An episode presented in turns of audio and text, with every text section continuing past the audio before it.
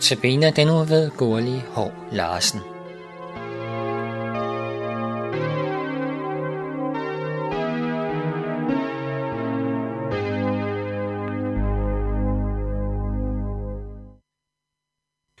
Indplantede ord. Et sted i Bibelen står der, at vi skal bevares i troen på vejen til himlen ved de ord, der er indplantet i os. Jeg har igennem mit liv fået utroligt mange ord fra Bibelen plantet i tanker, hjerte og sind. Ord jeg selv har læst eller fået formidlet af andre. Når jeg læser i Bibelen, kan et ord på en særlig måde tale til mig, lukke sig op, berige, så jeg går styrket ud fra andagtstunden, løftet op og båret af dette ord ind i hverdagen, som måske lige på det tidspunkt ikke er så let. Sørger Gud for mig, Ja, så kommer ordene, jeres himmelske far ved, hvad I trænger til. Da Adam og Eva var nødt til at forlade paradisets have, nøgne, afslørede, snart forviste, står der om Gud. Gud Herren lavede skintøj til Adam og Eva. Han sørgede for dem. Han tog hånd om deres læmelige ved og vel. Og han gav dem også et fantastisk løfte, der allerede på Bibelens første blade pegede hen på Jesus som frelseren, der skulle komme. Gud sagde til Adam og Eva, at han ville sætte fjendskab mellem kvindens sæd, Jesus og slangen, som er Guds modstander. Jesus skulle knuse slangens hoved. Det skete, da Jesus døde på korset og besejrede slangen, djævlen og alt det onde, så der igen blev banet en åben vej til Gud og hans paradis for alle mennesker, der tror på ham. Da Jesus var død og senere som den opstandende, mødte sine bange og desillusionerede sit disciple på stranden, hvor de var begyndt igen at fiske og var vendt tilbage til deres borgerlige erhverv, for Jesus var jo død, siger han til dem. Har I noget at spise, børn? Han mødte dem i deres livs værste kriser og sørgede for dem. Han lod dem fange en meget stor mængde fisk, og tilberedte efterfølgende et herligt måltid til dem over bålet. Og her gav han dem igen kaldet, følg mig. Og senere, da han for til himmels og indtog sin plads ved faderens højre hånd, sagde han til disciplene, mig er givet al magt i himlen og på jorden. Gå derfor ud i al verden med det glade budskab, og se, jeg er med jer alle dage ind til verdens ende. Jamen gælder disse ord stadig, Gælder de mig i mit liv i 2017?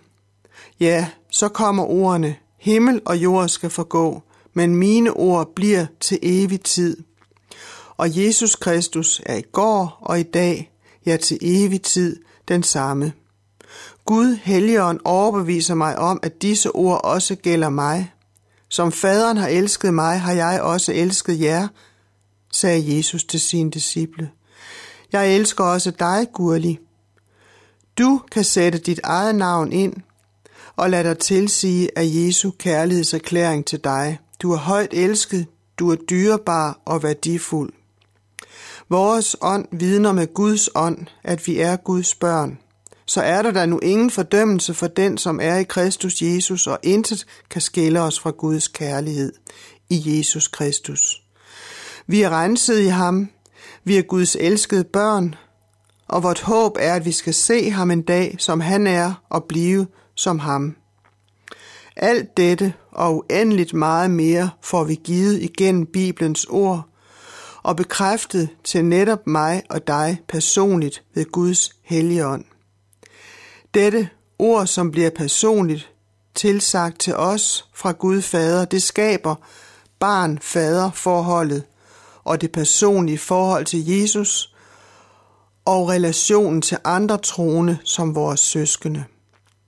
Og dette personlige forhold afføder bønden i vores liv, den vedvarende kontakt og samtale med vores himmelske Far og Jesus Kristus, vores Herre og Frelser. I bøn om, i bøn for, i tak og lovprisning midt i hverdagen 2017, når livet er så godt og når livet er så svært. At takke og lovprise Gud, når vi lykkes med tingene, at takke og lovprise Gud for den han er og alt hvad han giver os af gode gaver i de forskellige fællesskaber, vi er en del af. Og når vi oplever det modsatte, alt det svære og alle sorger og forhindringer, måske ensomhed, arbejdsløshed, sygdom, skuffelse over andre, over os selv, når vi oplever det ufuldkommende, synden hos os selv og andre, og føler, at Gud er så langt borte, der må vi bede, klage og klynke og lægge alt frem. Bede for os selv og bede for andre. For forhold til disse, der ligger os på sinde. Bede for egen og andres frelse. Bede, at Gud vil gribe ind og lade det lysne. Lad tingene lægge sig til rette. For han har i sit ord lovet at gribe ind. Han ved, hvad vi trænger til. Vi må i bønden fastholde vores far på hans løfter. Og så mødes vi også her af for eksempel sangforfatteres dejlige måde at udtrykke relationen til Gud på. For eksempel når vi har meget fokus på egen uformåen, kan vi mødes af den dejlige strofe fra sangen med Gud og hans venskab, hvor det siges, når jeg mig føler utåligst hos Gud, i favn han mig trykker som yndigste brud. Tak for det. Hvor herligt og godt. Og selv har jeg oplevet, at når tankerne gik helt i sort, da at blive mødt med ordene fra sangen, lær mig at kende din veje, hvor der står så trøsterigt. Når jeg har tænkt mig træt til døden, sig så, hvad du har tænkt, o Gud. Der kan jeg se, at morgenrøden bag tvivl og vonde vælger ud. Og lær mig frem for alt at kende din grænseløse kærlighed, den som kan tusind stjerner tænde, når lykkens sol er gået ned. Slutligt et lille vidnesbyrd mere. For nogle år siden i en meget svær arbejds- og livskrise, hvor jeg længtes meget efter et svar i forhold til min jobsituation, oplevede jeg på en af mine mange gåture, hvor jeg opsendte bønder til min far, at Gud sendte mig sangstrofen lige ind fra højre. Der er svar undervejs, engle kommer med bud og dette konkrete svar blev til en opringning dagen efter med et jobtilbud. Det var stort. Uanset hvor længe vi må vente, og nogle gange uden at få svar, så må vi fastholde Gud på hans løfter og opfordringer, at vi altid skal bede og ikke blive trætte, som der står i Lukas kapitel 18. Og ordene fra Matthæus 7:7.